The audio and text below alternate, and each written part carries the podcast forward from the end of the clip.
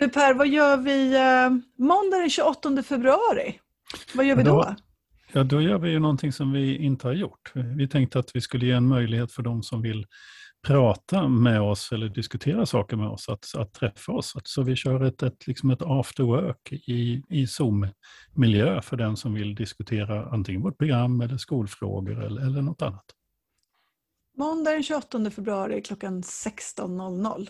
Ja, men om man vill göra det, då, hur, hur gör man? Hur gör Jo, man? men det, alltså det är jätteenkelt. Man går in på Arena Idés hemsida, tittar på kalendern, letar upp den 28 februari och klickar sig fram där och anmäler sitt intresse. Så får man en länk på mejlen.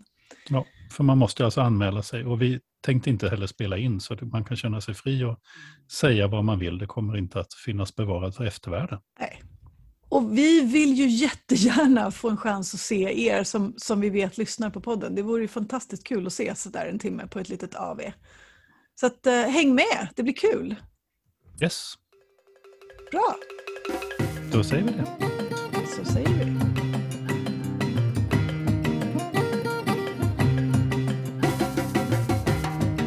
Hej och välkommen till Kornhall och Nets. Det här är en skolpodd som vi gör i samarbete med tankesmedjan Arena Idé. Eh, och vi, det är ju jag, Per Kornhall, eh, som är eh, någon sorts oberoende expert och författare och också ordförande för läromedelsförfattarna. Och så är det ju Ingela Nets. Vad gör du Ingela?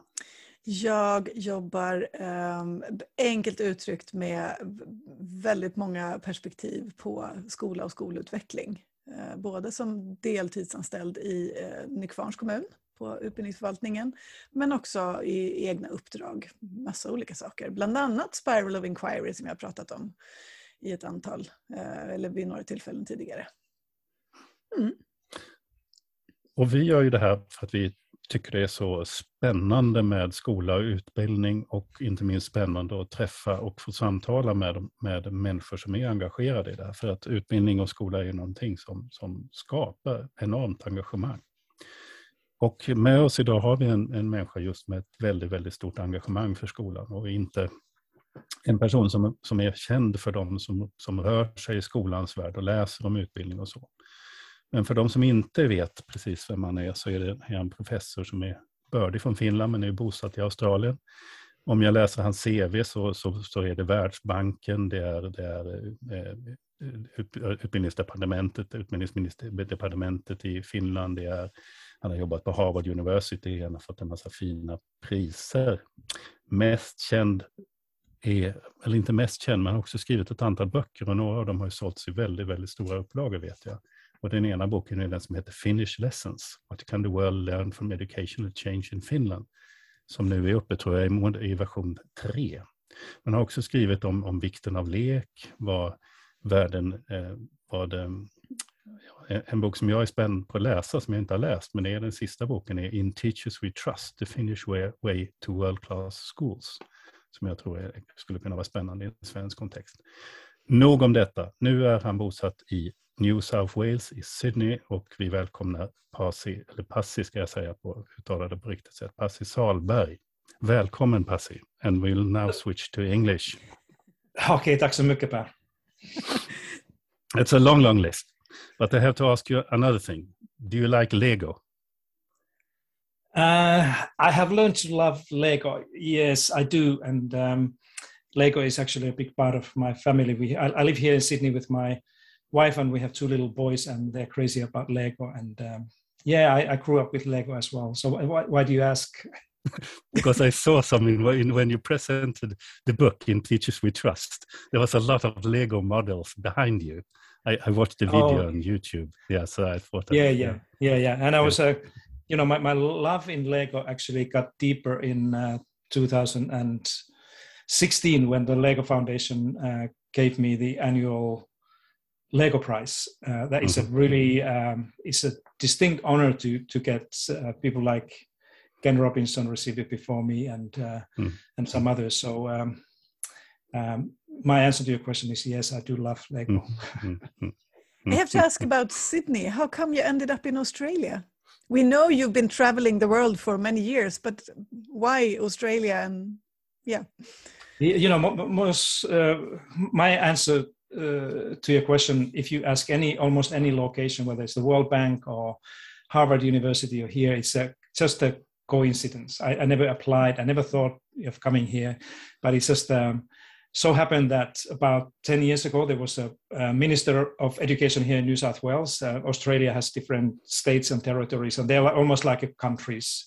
Uh, for me, Australia is like a Nordic, like a Scandinavia, but they're different countries and states. So, so this minister here uh, called me just uh, out of the blue. I was in Helsinki, and um, he asked my advice, which is a kind of a rare thing to receive a phone call directly from minister. Normally you get it from the advisor or the office or something. But this minister called me. I didn't know him, and um, and he asked me a couple of questions in the middle of my kind of a daily walk in in Helsinki. And uh, uh, then he asked me that when when are you coming to um, to Australia next time? And I said actually.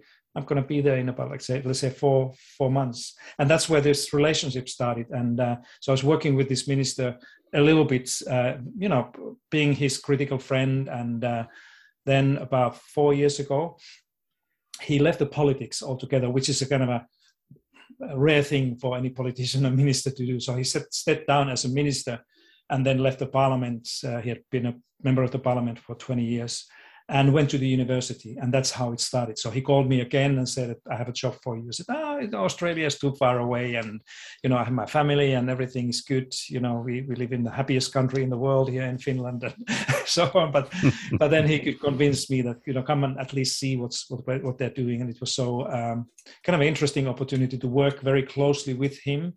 And you know if you if you have a chance to work with the very much uh, respected and trusted minister of education, it means that all the doors are open for you.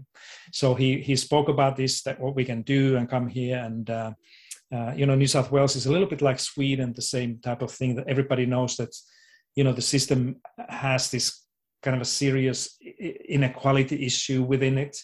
Um, and many people know about it, but nobody really knows what to do, or if they know what to do, they don't want to do anything. So he he asked me to come and help him to uh, do a little bit work. So that's how I came here three and three and a half years ago, and uh, and uh, it's it was a completely unplanned uh, move, but it's been a pleasant, interesting one, particularly now because of this pandemic and, and everything, mm. and how, how how Australia has been handling this very differently to Sweden or Finland or many other countries, and so but here we are locked down and. Um, borders have been closed uh, for most of the, the last past two years. So. Mm. And the schools have been in total lockdown for a very long time in Australia, right? No, no. You know, it's a it's an interesting thing because um, Australia we have six states and two hmm. territories mm. here, and they have they have independent okay. governors, yeah. and they have they have their own school systems. They're actually interestingly different from one another. So mm. I think you refer to um, Victoria, where there has been the schools where, like last year, most of the school year, I think they were closed 115 days or something like this. But here in New South Wales, uh, we ha- we don't have really have much school closures. If you go to places like Northern Territory or western part of uh, Australia, now they're called Western Australia calls themselves Western Korea because it's like a they don't want to be called North Korea, but it's like completely sealed, and their schools have been open uh, all the time. So. Okay so it really depends on where you are in mm. Australia, what mm-hmm. what type of experience you have had with this uh, during this past two years. Have Have you had like like you were, you were called by this this this minister to to do something, and then you now followed him to the university. Have you had any impact? I mean, can you see that your work together has led to changes, positive changes? I mean, this is just a you know curious uh, question uh, when you have that chance that kind of possibility does it work? Yeah it's a it's a good question pat. And, and of course you know to, to get an honest view to that you need to ask that from some somebody else. But you know when i came here we both put the bar very high. So we we we, we kind of uh, wanted to change the system. We wanted to have a not just a little uh, cosmetic change, but like a real change so that people would understand that if we want to be the world class leading education system that Australia was 20 years ago, you know, everybody was looking at this country, that we need to do, uh, we need to do much more than just a little makeup things here and there. Uh, if I answer your question from that point of view. I think that we have not been able to change much, but then, then um, you know, if I look at the school level or individual level changes, I, I hear almost every day I received um, an email or Twitter uh, comment or something from a school that have been, you know, part of the work that we have been doing on on equity in education, meaning that you know, trying to help people to make sure that the school system and schools would be serving each and every child in a, in the same ways. And more recently, my work on play here that I see you know the the, uh, the, the play thing that is a very much kind of a Nordic, Swedish, Finnish, uh, Danish uh, idea has been gradually shifting away from the schools. And and my arrival here three and a half years ago kind of a, uh, turned that a little bit uh, towards the what it should be here that the the schools would be um, places for play and learning through play as well. I think I have been able to make some uh, school level and, and certainly individual level impacts on that thing. But you know, changing education systems, as you both know, uh, in in Sweden or anywhere, is a is a difficult and complicated and um, kind of a time-consuming uh, act, activity. Maybe the history one day will show that you know this little work that we we started to do here and we continue to do somehow led to the systems change, but. I still remain a little bit pessimistic about that. Hmm. Let, us talk some more about the the uh, the focus on equity, because I read an article from last year, I think it was, where you you together with with a colleague uh, try to point out um, some principles that are needed to to achieve real equity. And and the first question might be, what is real equity in school?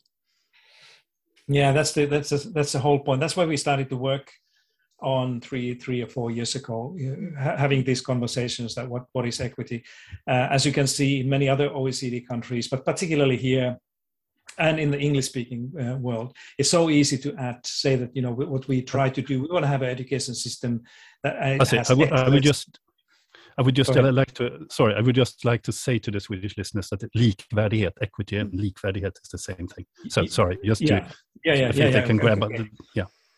Yeah, so so so the the what I was saying was that the excellence and equity is so easy. They're almost like kind of a fashionable, sexy terms to be used. But um, if you scratch a little bit the, the surface of how people uh, understand what they mean by those things, it's very easy to um, realize that you know excellence is high test scores or PISA scores or whatever metric you have, but equity is much harder to uh, harder to explain. So so that's why you know we started to um, work on a little bit on this paper that is looking at equity. Um, we call it equity and adequacy in education because we we we think that in in in this equity concept if you think about it as a kind of a system level thing, uh, there, there, should be at least two different dimensions. The other one is the the uh, the social equity. That means that if we look at students in different equity groups or socioeconomic um, socioeconomic groups, that their their performance should be similar to the educational performance in any uh, other social economic group. So, so that's the that's what we mean by social uh, social equity. But then, what is happening now that if if we only use that one, that metric, it's um, doesn't include this idea of uh, having adequate education. That means that everybody, every child, every young person should have education that is meaningful for them. And you know, if you look at the Swedish system, or probably Swedish system is, is a little bit better off than um, the education system here, for example, uh, this ad- adequacy is often kind of a missing here. That everybody is expected to have the same type of education, and it's almost always academic education. So, so that you study until you're 18, the same st- type of academic stuff, regardless of what your interests or needs or passions are. And that's why we, we think that in this equity concept, the, the, this adequate education is equally important than this social equity and only when we get these two um, two dimensions in place simultaneously, then um, then we can talk about a little bit different uh, concept of uh, equity equity in education. I think these measurements that are often used to compare countries and their, their uh, levels of equity is undermining this adequate education side. So you may say that uh, a country X is has a equitable education system without looking at what type of education these young people are having. They may have education that has no relevance for them whatsoever. They, they have good test scores and examination results, but they don't do anything with this education. That's what we mean by the, the adequate education. It's, it's a long debate in ed- education uh, sociology and, and, and, and, history, and we just try to bring these conversations a little bit uh, closer to one another. And, and of course, it will get very, very complicated when you look into those dimensions, how you could measure them and how you could evaluate Absolutely. them, of course. Absolutely. But yeah. talking about equity, of course, we want in, in this talk um, talk about, I mean, the differences between Finland, Finland and Sweden. Uh, that's, that's, I mean, that's uh, of course, uh, and and and one of the things, and one of the countries that stands out in some of the equity measures, I mean, uh, between school variation uh, is Finland, of course which is, I mean, there is a huge difference between Sweden and all other countries. Um, uh, and Sweden, as you know, has been the, the, the level of, of, the differences between classrooms have been been rising dramatically in Sweden for, for the last at least the last 20 years. Uh, maybe it started for 30 years ago, but at last the last 20 years. But you said something about so we of course, you want to discuss a little bit of the differences between the Swedish and the Finnish school system, but mm. but you said something that Finland was the happiest country in the world, uh, and I, I, know I know those uh, those results. Um, what is the connection between the school system and happiness, as you look upon the Finnish uh, society? Yeah, you know, it's uh, it's, it's again great uh, great question to to think about. But you know, for example, here, and I, I you know, I understand these this kind of a Nordic um, values and and precious things that we have much better through living overseas. You know, I spent almost ten years li- living in, in, in the United States, and now it's been three or four years here. And these these both countries are very very different compared to Sweden or Finland or any any other country.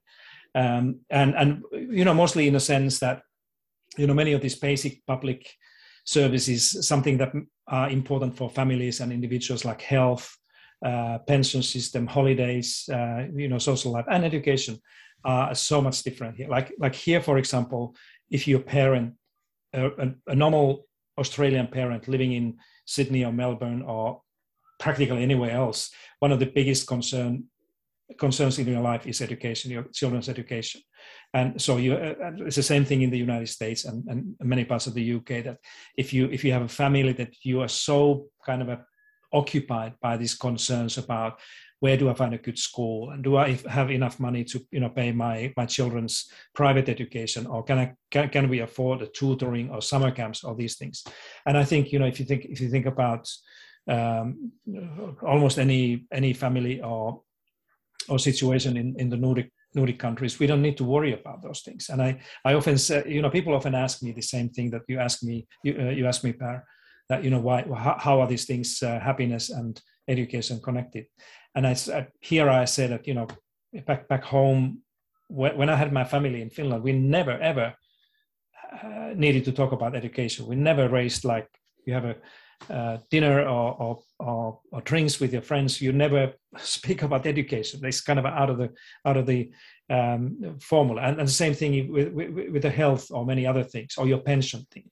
Like here, like in, in the US, the pension is a, absolutely central thing that people kind of think about do I have enough pension to you know carry on when i when i stop working uh, and those things are so differently taken care of in the nordic countries so i, I think that but, but, you know, that, but edu- yes, you know, the education plays a very important part of this this happiness thing that when parents don't need to think about or pay for education uh, at least in finland i think that that's a big deal in in when when parents are reporting you know how how they feel about life in in general when this education thing is kind of removed from their part of their concerns but that, that's that's about uh, a kind of um, um, happiness, security, a, a, security and trust in the system. But but actually in Sweden, I mean, the, the development the last twenty years and, and accelerating the last ten years, uh, education is a talk at dinner tables. What school have you chosen for your kid?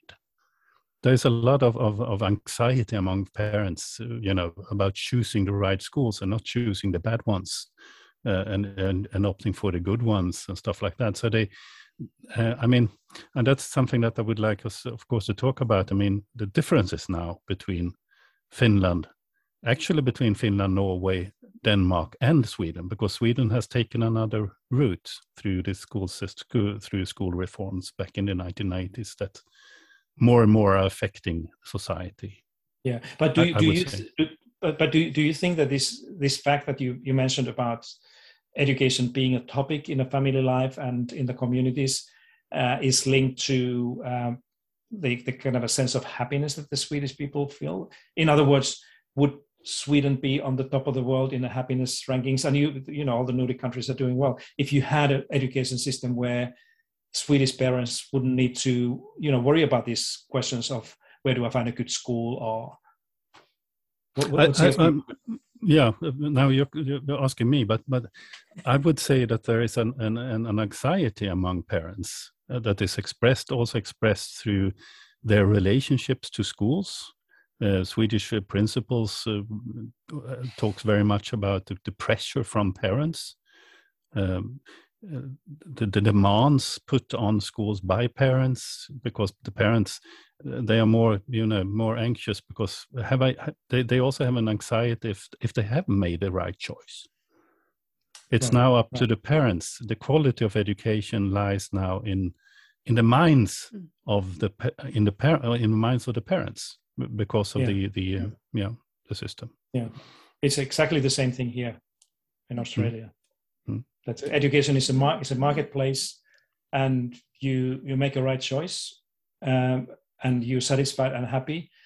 You you made a bad call and you're not. Uh, but you know the, then the government's response is to go shop around. You know if you're not happy, uh, and this is what the minister said here uh, some time ago. If you if parents that if you're not happy with the school where your children go to shop around, they use the term shop around. You know, go and mm-hmm. see what is uh, around, and you know how much how much you can afford and, and spend on schooling. And uh, mm-hmm. it's ex- exactly the same thing. Uh, same thing here. I find it personally as a as a parent here very disturbing and, and difficult difficult to handle this.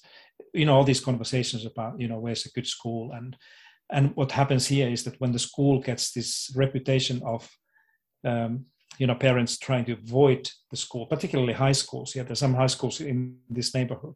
Nobody wants to go there. Nobody even even they don't even go and see what the schools are doing because the parents know that you know nobody wants to go there.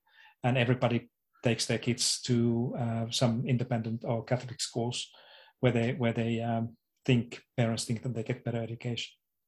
Mm. Is this also a question of, of segregation in, in Australia, like it is in Sweden because that's what we see that the, this this system of shopping around mentality is is actually increasing already segregated areas where where people live uh, since we also have had a lot of of, of uh, immigrants coming the last 10 15 20 years. Yeah that's that's true. Australia has one of the according to the oecd one of the most uh, socially or socio-economically segregated school systems uh, in the world, much more than uh, Sweden does, and and that's that's one of these one of these things that are very difficult to change when you have when you have that type of social or socio-economic segregation in the system it's very very difficult to change. So that's why that's why you know if you can kind of a policy advice is that if you can avoid that try to do that as much as you can because you know pulling these things back as you can see as you can see in Sweden and many other countries is is, is a very complicated thing to do. Yeah, but I had a, I had a talk um, a couple of years ago with the late Richard Elmore, because I, I guess you know knew him. He was my he colleague. Said, yeah. yeah. yeah. He said he one of his most he actually used the word he was scared uh, uh, that he was um, most disappointed with within the in the interviews he had with Swedish parents when he was a part of the OECD Commission in 2015. It was the attitude from the parents that scared him the most. That that there was an attitude now in Sweden that he he hadn't met at any of his other many visits to Sweden, um, where parents said that they were glad that they had a free school choice because that made it possible for them to avoid certain kits Uh, they yeah, actually yeah. Spoke, spoke about about the and and it's interesting because Australia was also one of the places where where free school choice was first re, the effects the effects of free school choice was first really uh, re research wasn't it wasn't it I mean Fiske and Ladd and other uh, early school choice researchers that saw these effects very early in, in Australia.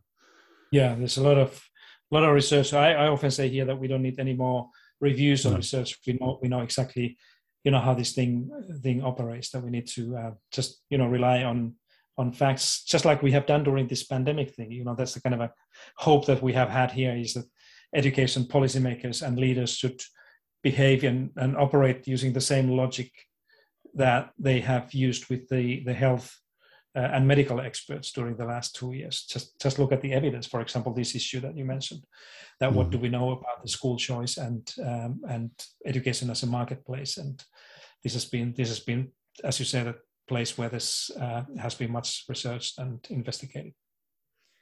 Can I can I go back like ten years in time?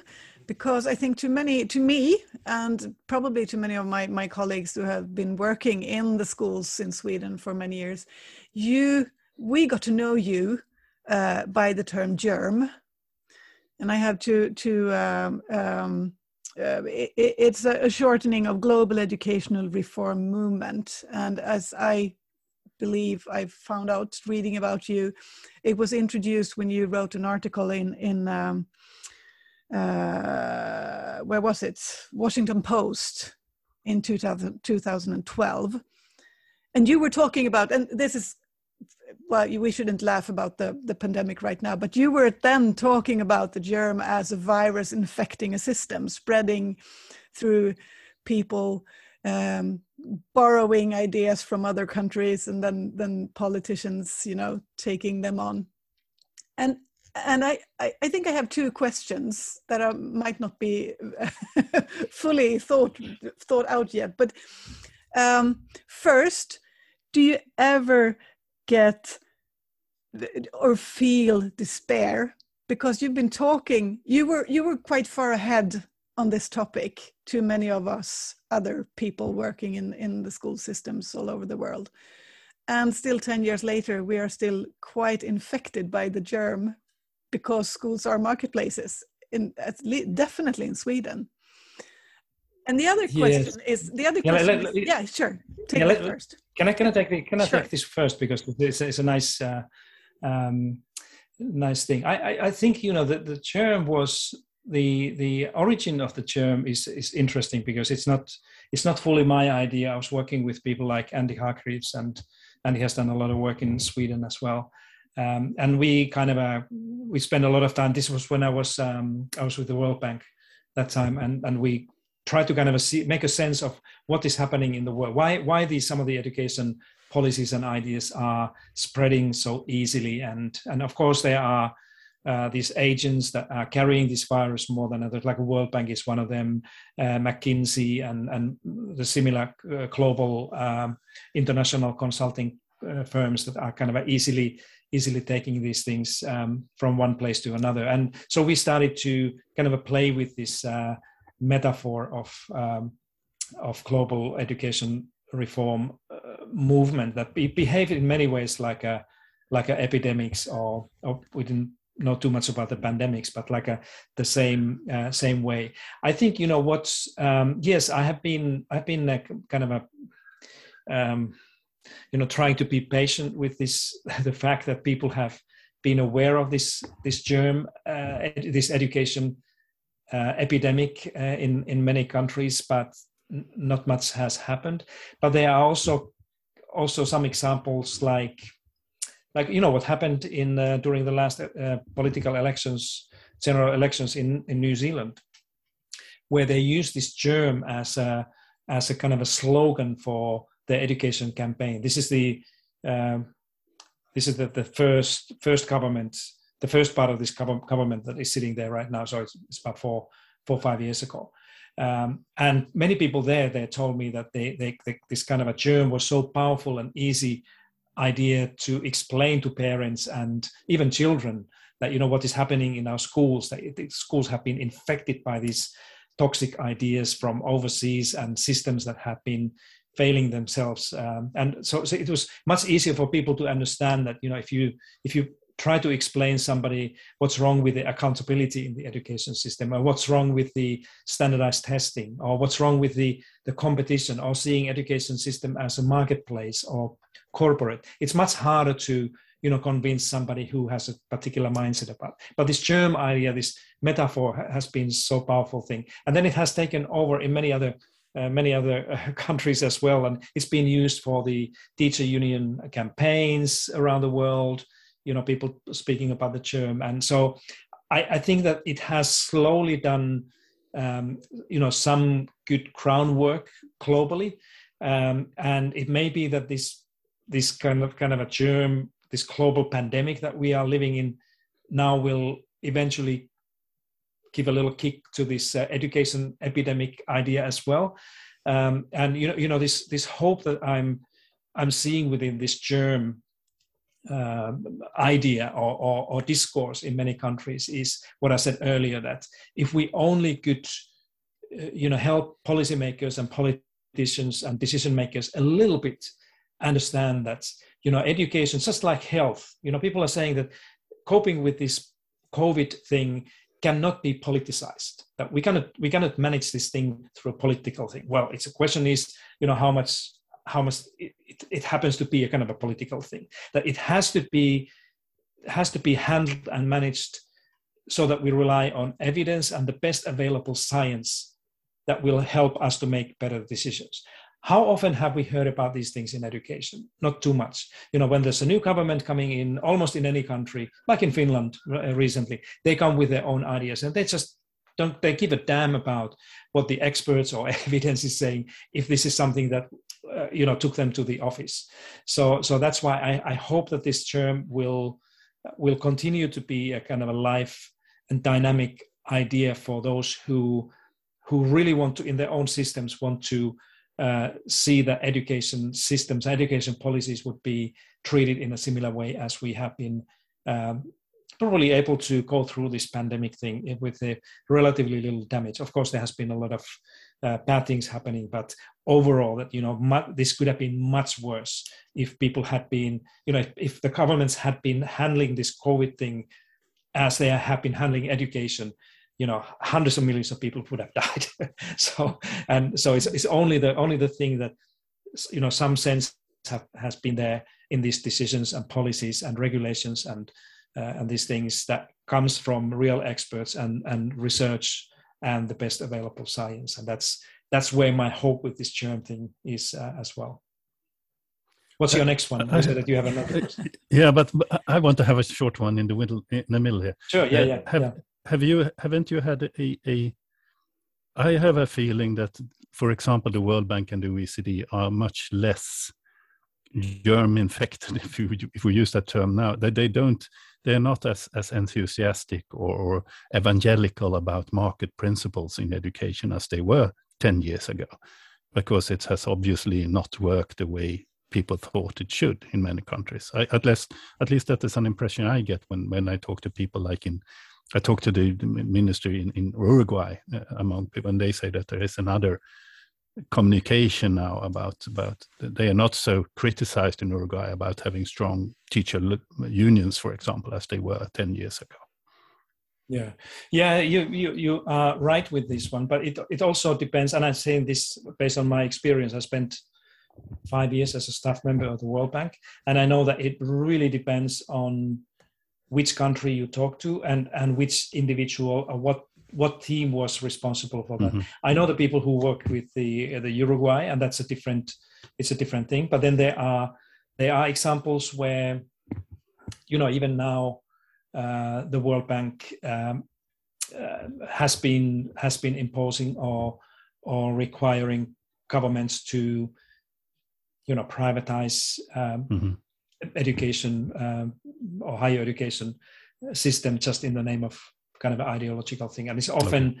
often because of the, the, the individual people who are working there. I think that the um, um, both of these organizations that you mentioned, the, the OECD and, and, and, the World Bank as well, that they have been thankfully, you know learning from from these past experiences and you know there's there are a lot of smart people there so they understand that just pushing pushing uh, and insisting uh, agendas and ideas that simply don't work is a very silly thing to do because you hmm. very quickly use uh, kind of lose your your stance but they're still within the oecd and the world bank uh, you know parts of the work that they do or policies or strategies something that goes very closely to this germ thing. And I think the important question there is not only to look at what they do, what the World Bank is doing, but also ask what the World Bank is not doing.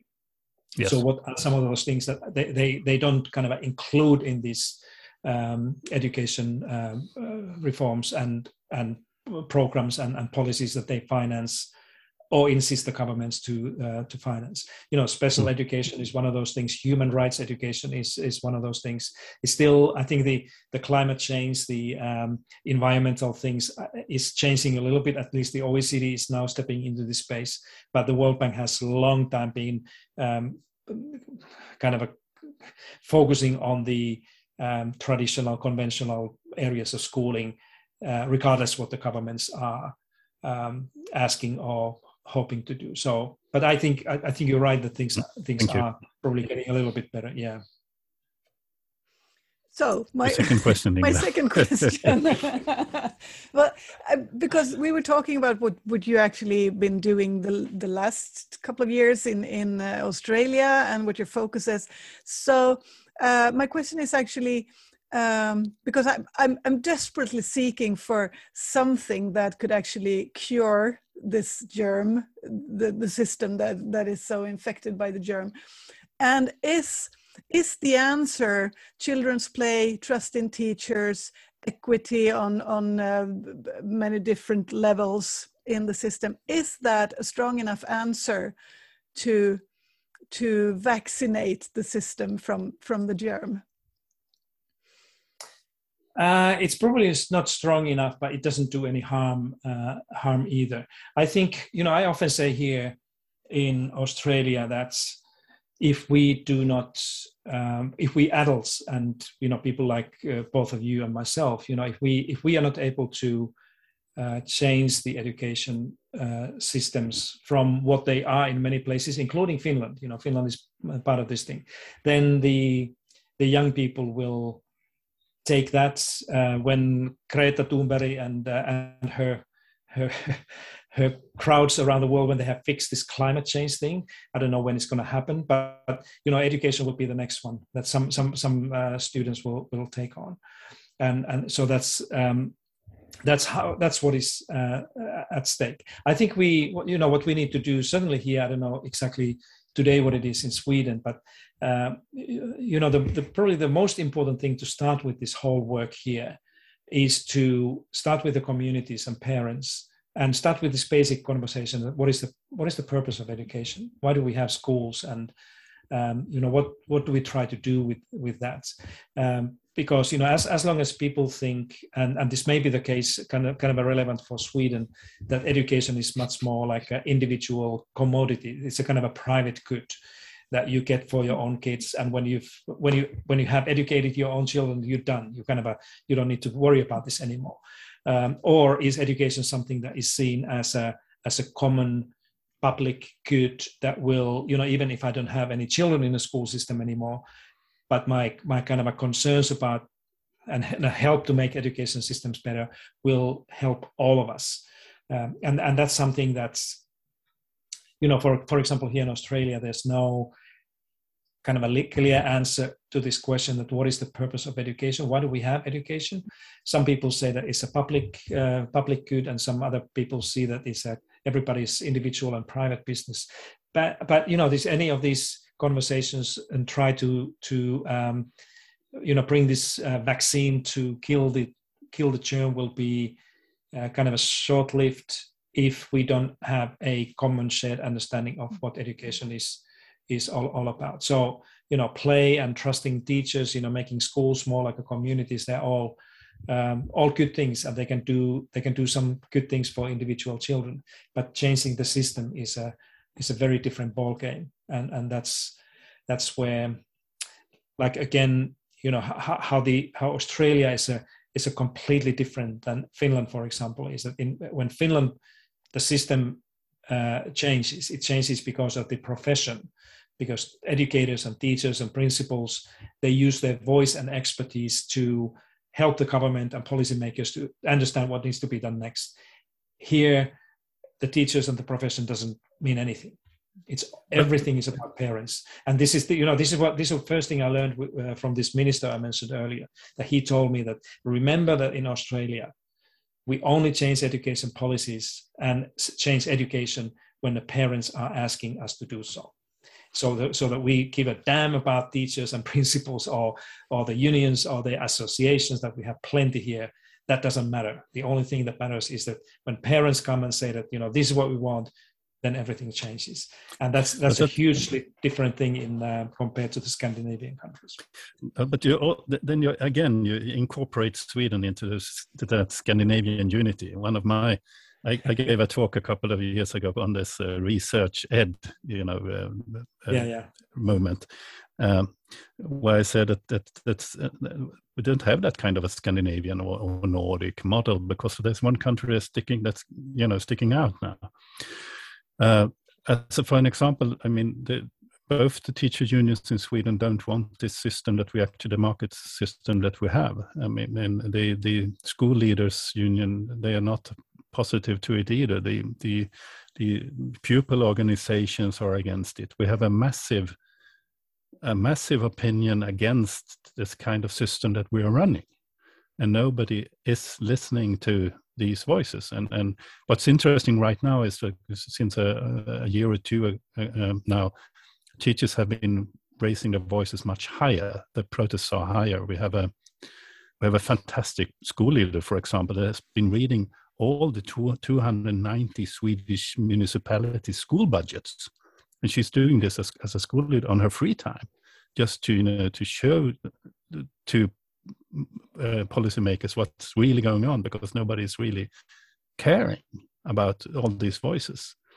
And we have a teacher corps that's, I mean, we have only 70% now that is actually uh, have a teacher uh, degree that's teaching in Swedish schools. We have a massive, we have, we have, we have huge problems and they are, they are protesting, but actually businesses are going is going on as usual in the parliament. So I think there is a problem. I, I would like just to, to, to ask that question as a as a Finnish person knowledgeable about education. What are your your your view on what happened in Sweden? How, how, do you, how do people working in the uh, in, in in schools in Finland think about what's happened in Sweden? Yeah, I think I, I think it's um, probably all goes back to the early 1990s, and I, I, I know this because I spent I spent almost all 1990s in uh, Finnish uh, Skolverket, um, uh, and we worked closely with the the Skolverket in in Stockholm. And I, you know, I remember this early. I, I think it was a Carl Bildt who who brought this uh, voucher uh, voucher thing. And we you know we had a lot of conversations in finland as well. As you know both of you know that you know finland has pretty much copied the swedish system in many ways uh, since the 1960s so many many principles you know even the name of the grundskola is the same um, same from Sweden. So we have been always looking looking at what the Sweden is doing. But something happened in the early 1990s, and we have Finland was actually very close to do the, exactly the same thing that Sweden was doing.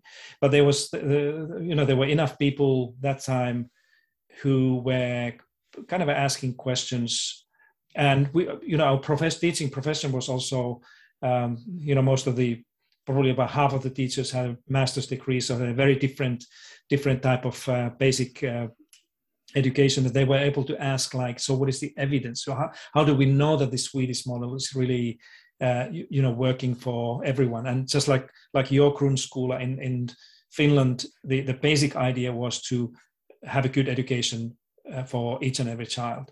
And so people were saying that this this swedish idea is probably not going to go very well. So you know the the luxury that Finland has had is that we have been always coming a little bit few years behind Sweden in in many many innovations and experiments including the school experiment. So, and you know, this is my, my personal uh, memory is that, you know, we had these meetings in Helsinki and said, let's see what happens in Sweden because, you know, this sounds like a, it sounds like a kind of a great, simple idea, but does it really work? And it was very soon uh, that, you know, colleagues in Sweden started to question and criticize this thing.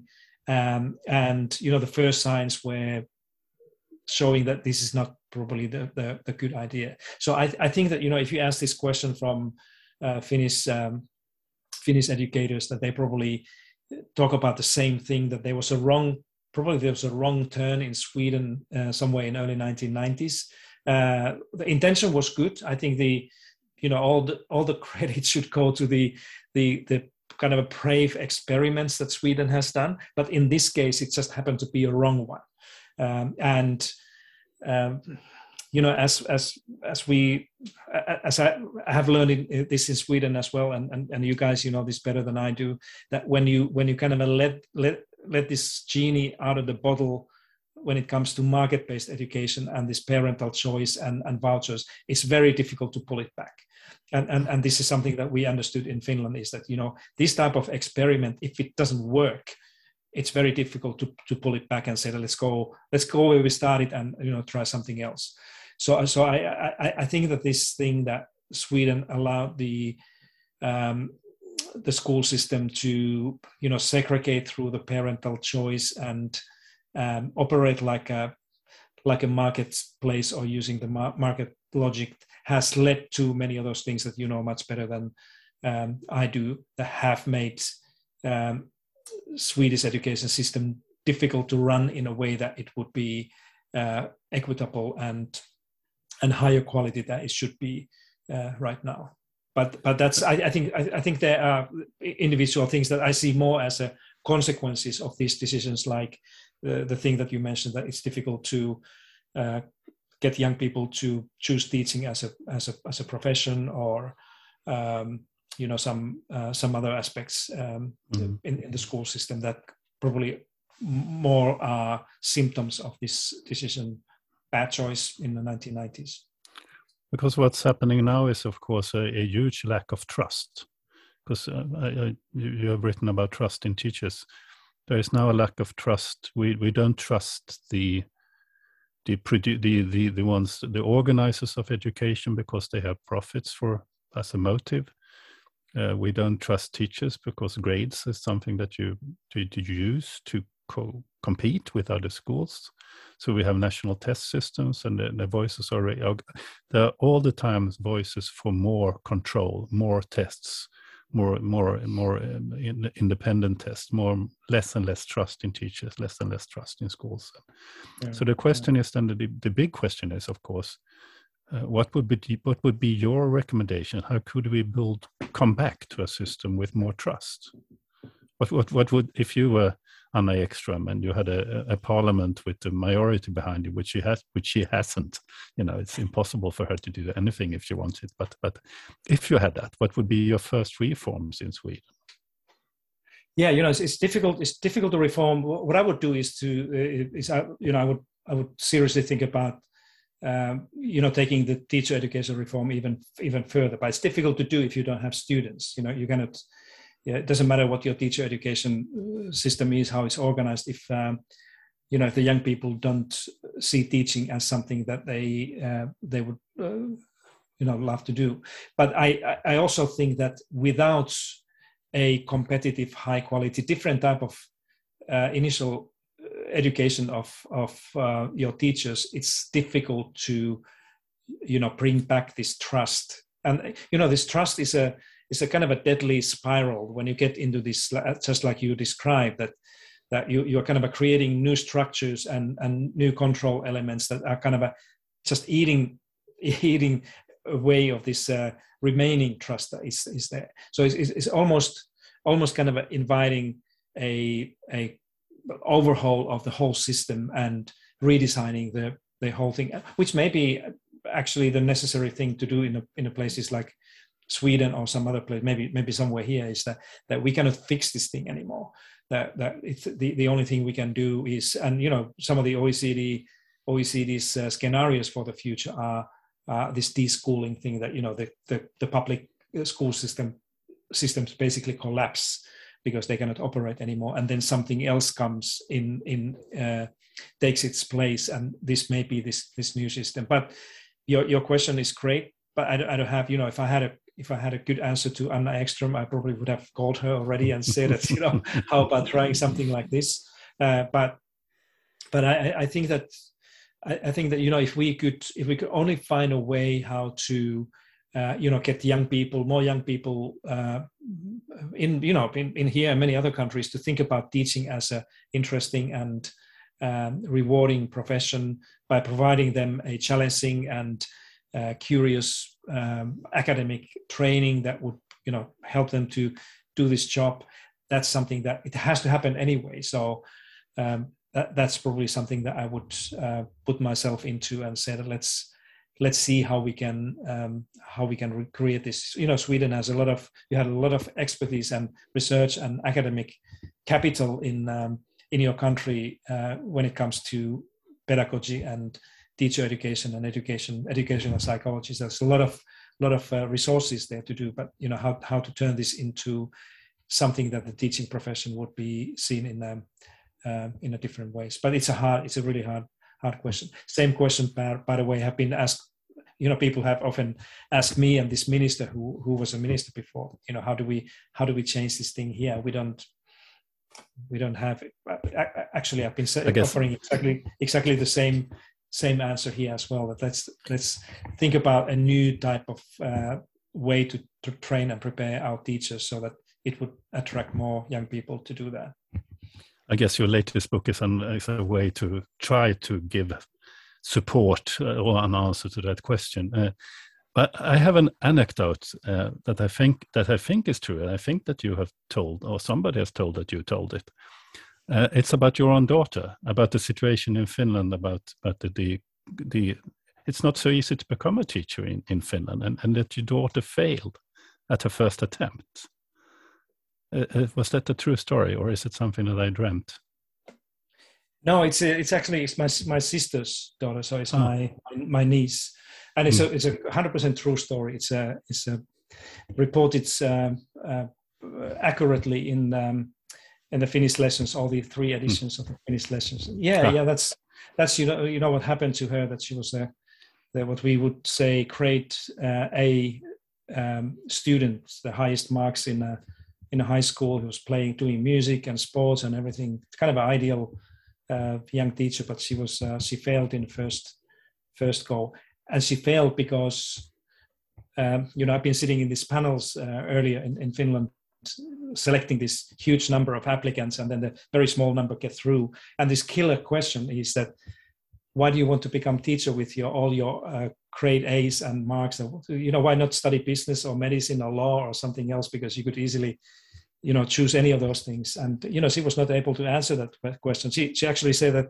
because my my um, my uncle is a teacher and my grandfather was a teacher and, and, and my mother is teaching as well. So and, and so it did his work yeah so she didn't she didn't kind of think about it so next time she she, she went to work in the school as an assistant teacher for a year and then applied again and the same question came again so why do you why do you want to teach why do you think that it's this this is your career and uh, mm-hmm. she was able to talk about her experience and emotions and work with the kids and as part of the school and and that's uh, that's it. Yeah, mm. it's a mm. it's a, it's still the, still the situation that when you see when when you see when you go to a party where a lot of people are there and somebody introduces herself normally herself as a primary school teacher you everybody takes their hats off and say that that's a, a kind of a, a, noble thing to do. And uh, to be a primary school teacher in finland means that you have to be you have to be actually pretty smart to do that. So, so it's not like in many other places that if you say that you're primary school teacher, and mm. you, the comment may be that so you didn't realize you didn't kind of find anything anything better to do in your life. Mm. From that's a, not from a Swedish cool. perspective, this is you know this is scarily scarily uh, uh, inspiring. it's just it's just so far away from our our reality and from most countries' realities. If, if we are if we are to, yeah, but, but, but you know, so, I, it's just so fascinating. But it, it was the same. You know, Anna Ekström, she she she couldn't become a teacher because she had Um, she, she, so she became a lawyer because she hadn't grades enough to become a teacher in Sweden in the yeah. 1970s. So yeah, yeah, and you know that's, that's, what, that's, yeah, that's what I tell people often when they ask about my, you know, in interviews like this. I say that I, I really wanted to become primary school, school teacher. I tried once, uh, twice actually. I applied, but I was not good enough, uh, smart enough to teach in a primary school. So I ended up teaching at Harvard and working with the World Bank, and doing all sorts of, you know, advising Swedish government. But yeah. but I, I, I, when I when I listen to you to um, Per and Pasi this in this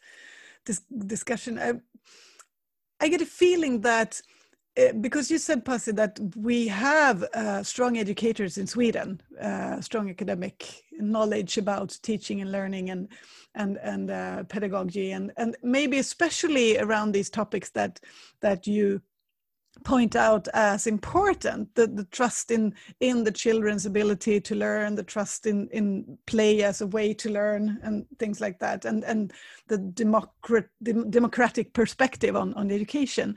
So it makes me think that we have i think we have in sweden uh, we have like an underlying power of strong teachers strong educators strong school leaders that are actually trying to do what they could do, but right now, despite the system, against the walls that the system put up.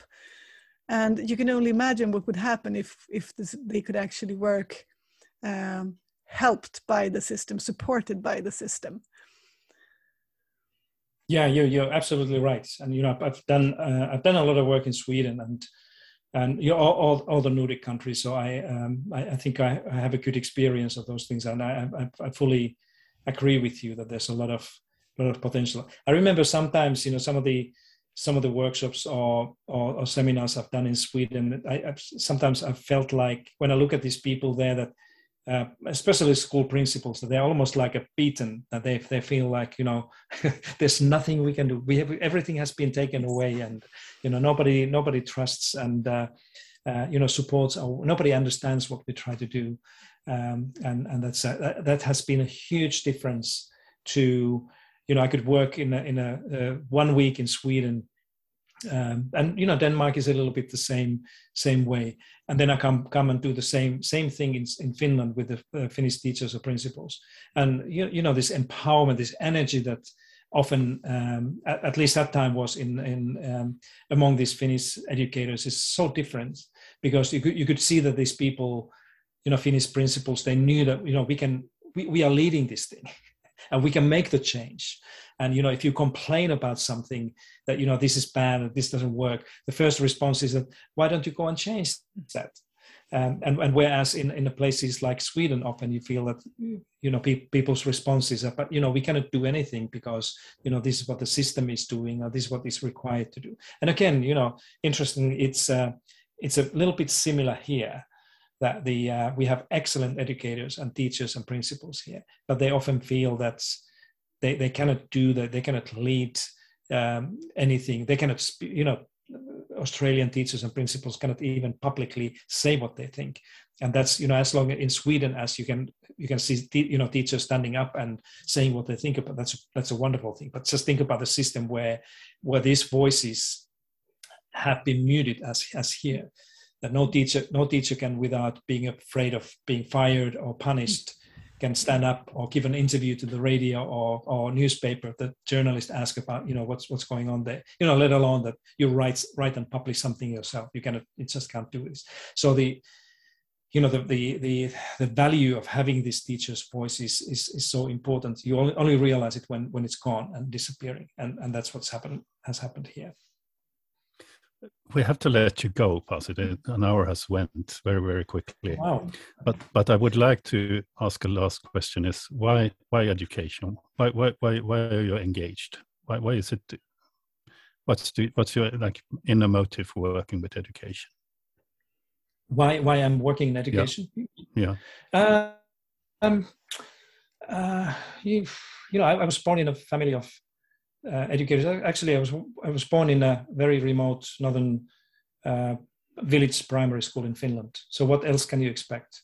You know, that's where I was raised, and uh, um, I always felt since I was young that I want to I want to do I want to work with the young people and I want to you know do good things to the community and that's um, that's what it's been and I've been really blessed to to be able to work in a different different areas of education not just you know being I was teacher for a number of years and in the ministry for a number of years, but then also with the universities and international organizations. So it's been it's been really my my dream job in many ways and given me so many so many opportunities. You know, this education has taken me to White House meeting in, in Washington D.C. Uh, the education has given me access to Sir Richard Branson's island Virgin, uh, British Virgin Islands twice to spend hanging around with somebody like him. And uh, I've met uh, tens, hundreds of uh, great education leaders around the world. And so it's been really, really something, uh, a journey that uh, I'm, I'm really happy and grateful for, you know, every single single moment. You know, this is this question that you ask, I often reflect on some of the some of the young students here and some other universities when they asked, so what, what do you think I should, should I go to, into teaching? I said, absolutely, you have to do that because it, you never know when, where you will end up uh, next. And because, you know, the te- if you take teaching seriously and, and do it, uh, do it uh, through your heart, it's going to give you a lot of keys to many interesting things in your life that you have no idea about. Just like I said in the beginning, that I never I, I, I, haven't really planned anything I've done in my life when it comes to work. Everything has just happened, and it has happened because of the this education background that I have had. Hmm. I think that's that's uh, that's yeah. a wonderful journey to to envision uh, from northern Finland to the to the British Virgin Islands. Uh, uh but also the, this the, the beginning of the the answer is is um, because you wanted I mean, because it's an interesting job because you do something for society. That's that's where that's what nearly all teacher students answer. Why why you, why did you become a teacher? And it's that's it's a job that makes do it makes it possible for you to do something more than just to exist for your own for your own good. I mean, yeah, there is a kind a of, of, a moralic. Yeah, it's a calling. Yeah, yeah, it's a call, calling, and I, I think you know if, if I if I think through my, my work, I want to uh, I want to do everything I can to make sure that this world is a little bit. I leave this world uh, a little bit better than what it was when I arrived here. And of course, mm-hmm. it, one one individual cannot do that much. But if there's enough mm-hmm. um, enough educators as we are, and if we all think like this, we can we can be sure that you know many things will be um, will be better. Hopefully. Yeah, and that's also why you can trust teachers, isn't it? Because absolutely. Because that's yeah. the driving force. Mm. That, that's the, yeah, that's the the um, probably in the end that's the the only force, only driving force that will be um, sustainable enough to you know give us a change that we need. Hmm. Thank you. That's perfect. Thank you very much, Pasi. Perfect. Thank you so much. Thanks. Ending mm-hmm. to this conversation. Thank you so, so much for for mm. taking time to participate in in uh, in our pod. And we're a bit starstruck, but we we will uh, we'll just uh, thank you very much and and uh, and uh, and we wish you all the best and and and, yeah, and yeah. good luck with all the endeavors you do down there and all over the world. Yeah, thank you so much, and, and sorry that I wouldn't be able to speak uh, Swedish one day. One one day I will.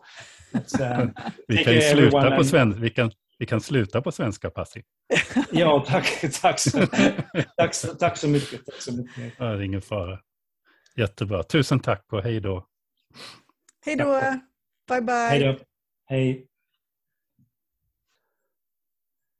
Ja. Mm.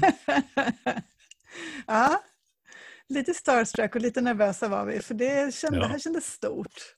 Men, mm. äh, ja, men han är ju en sån superstar i de här sammanhangen. Ja, verkligen. Och vilket fantastiskt samtal. Vad roligt det här var. Mm. Mm. Och jag ska bara, det, det, första jag ska göra sen när vi slutar prata är det att jag ska beställa den här sista boken, för den mm. har jag inte läst. Nej. Som heter det In Teachers We Trust. Mm.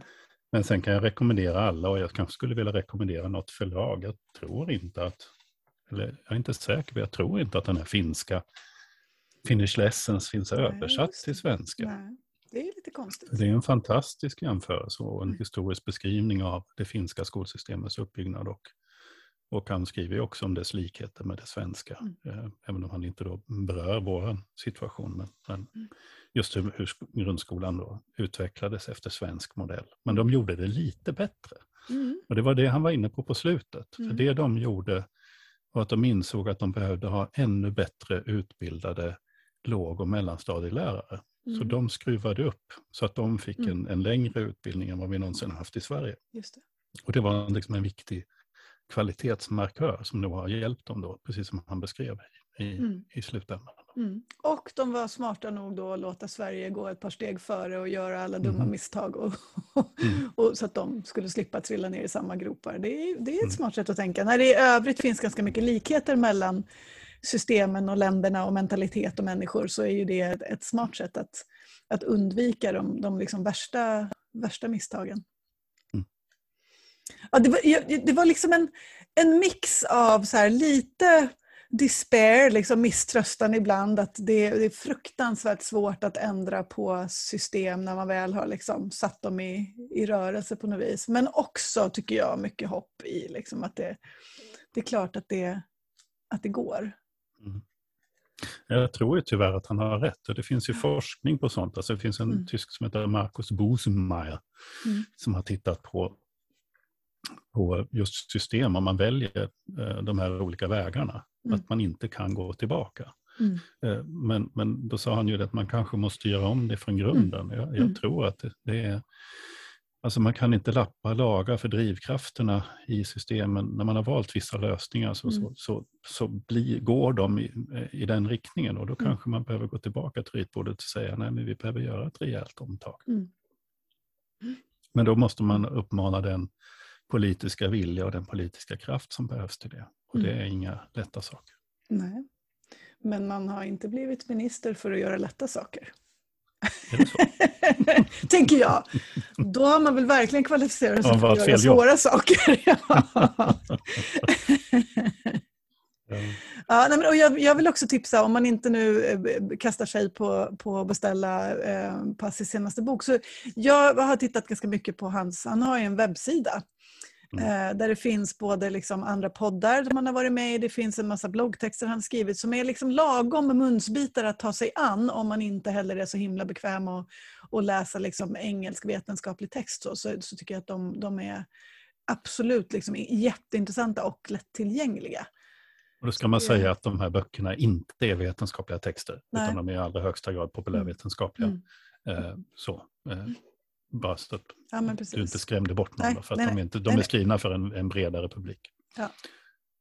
De är, ja, Mm. höll jag på att säga något dumt, men de är skrivna så att alla kan läsa. Ja, men så är det ju. Vi pratade om det där i något annat sammanhang eh, när vi utvärderade lite grann här. Att, att så här, vi har ju, du och jag har ju väldigt olika liksom, vana att läsa vetenskaplig liksom, litteratur och kanske läsa så här forskningsöversikter och, och, och sånt där. Eh, Du har ju det som en del i ditt jobb. ehm, På ett sätt som, som jag som rektor och, och liksom i, i de roller jag har inte riktigt hittar tiden för. Men, men det finns ju väldigt mycket att ta till sig. Som, och det, det tänker jag är en av liksom Pasi Sahlbergs stora kvaliteter. Att, att de få gånger jag också har lyssnat på honom så är det han, han gör liksom komplexa sammanhang och väldigt väl beforskade sammanhang liksom lättillgängliga och lättbegripliga även om man inte är inne i det där akademiska speciellt. Mm. Ja, han är en duktig lärare. Mm, ja men exakt, Mm. exakt det börjar där. Mm. Jaha, ska vi sätta stopp där? Ja, Och, och, och vara jätteglada för att vi fick ha det här samtalet med Pasi. Verkligen. Och vi kan, vi kan väl ändå få liksom så här, göra en liten sån teaser att vi, Ja. vi, vi ska försöka liksom vara lite så här international någon gång ibland framöver. Vi har ju tidigare haft Diane Ravitch i en intervju som du gjorde med henne. Mm. Men, men vi kommer att ha fler internationella gäster framöver. Vilket är Mm. jättespännande. Mm. Mm. Sen får vi också vara lite stolta för att eftersom vi, vi läste här nu, eller vi fick ett meddelande om att, att vi har haft minst 50 000 nedladdningar på Ja. podden. På Ja, 50, så det är häftigt. ja. Tack till er som lyssnar. Ja. Det var roligt det att ni gör det. det. Per sa innan vi drog igång den här utspelningen när vi småpratade lite med Passi att, att från, åtminstone från början och fortfarande så är ju det en bonus på något vis för oss därför att vi gör det här helt frivilligt för att vi tycker att det är så himla kul. Uh, och sen att ni som lyssnar också tycker att det är kul och intressant, det är ju verkligen en fantastisk mm. bonus. Mm. Och vi blir tillsammans faktiskt en, en maktfaktor i diskussionen om den svenska skolan. Det ska vi inte glömma. Och det ska Nej. vi vårda ömt och, och uh, med stor respekt. Ja. ja, och vi blir lite klokare för varje samtal. Verkligen. För, och du har just lyssnat på ett avsnitt av Kornal och Nets. Och det är en skolpodd som jag, Per Kornal och, och Ingela Nets vi gör i samarbete med tankesmedjan Arena Idé. Och vi gör det alltså helt ideellt. Vi tar inte, vi tjänar inte en krona på detta.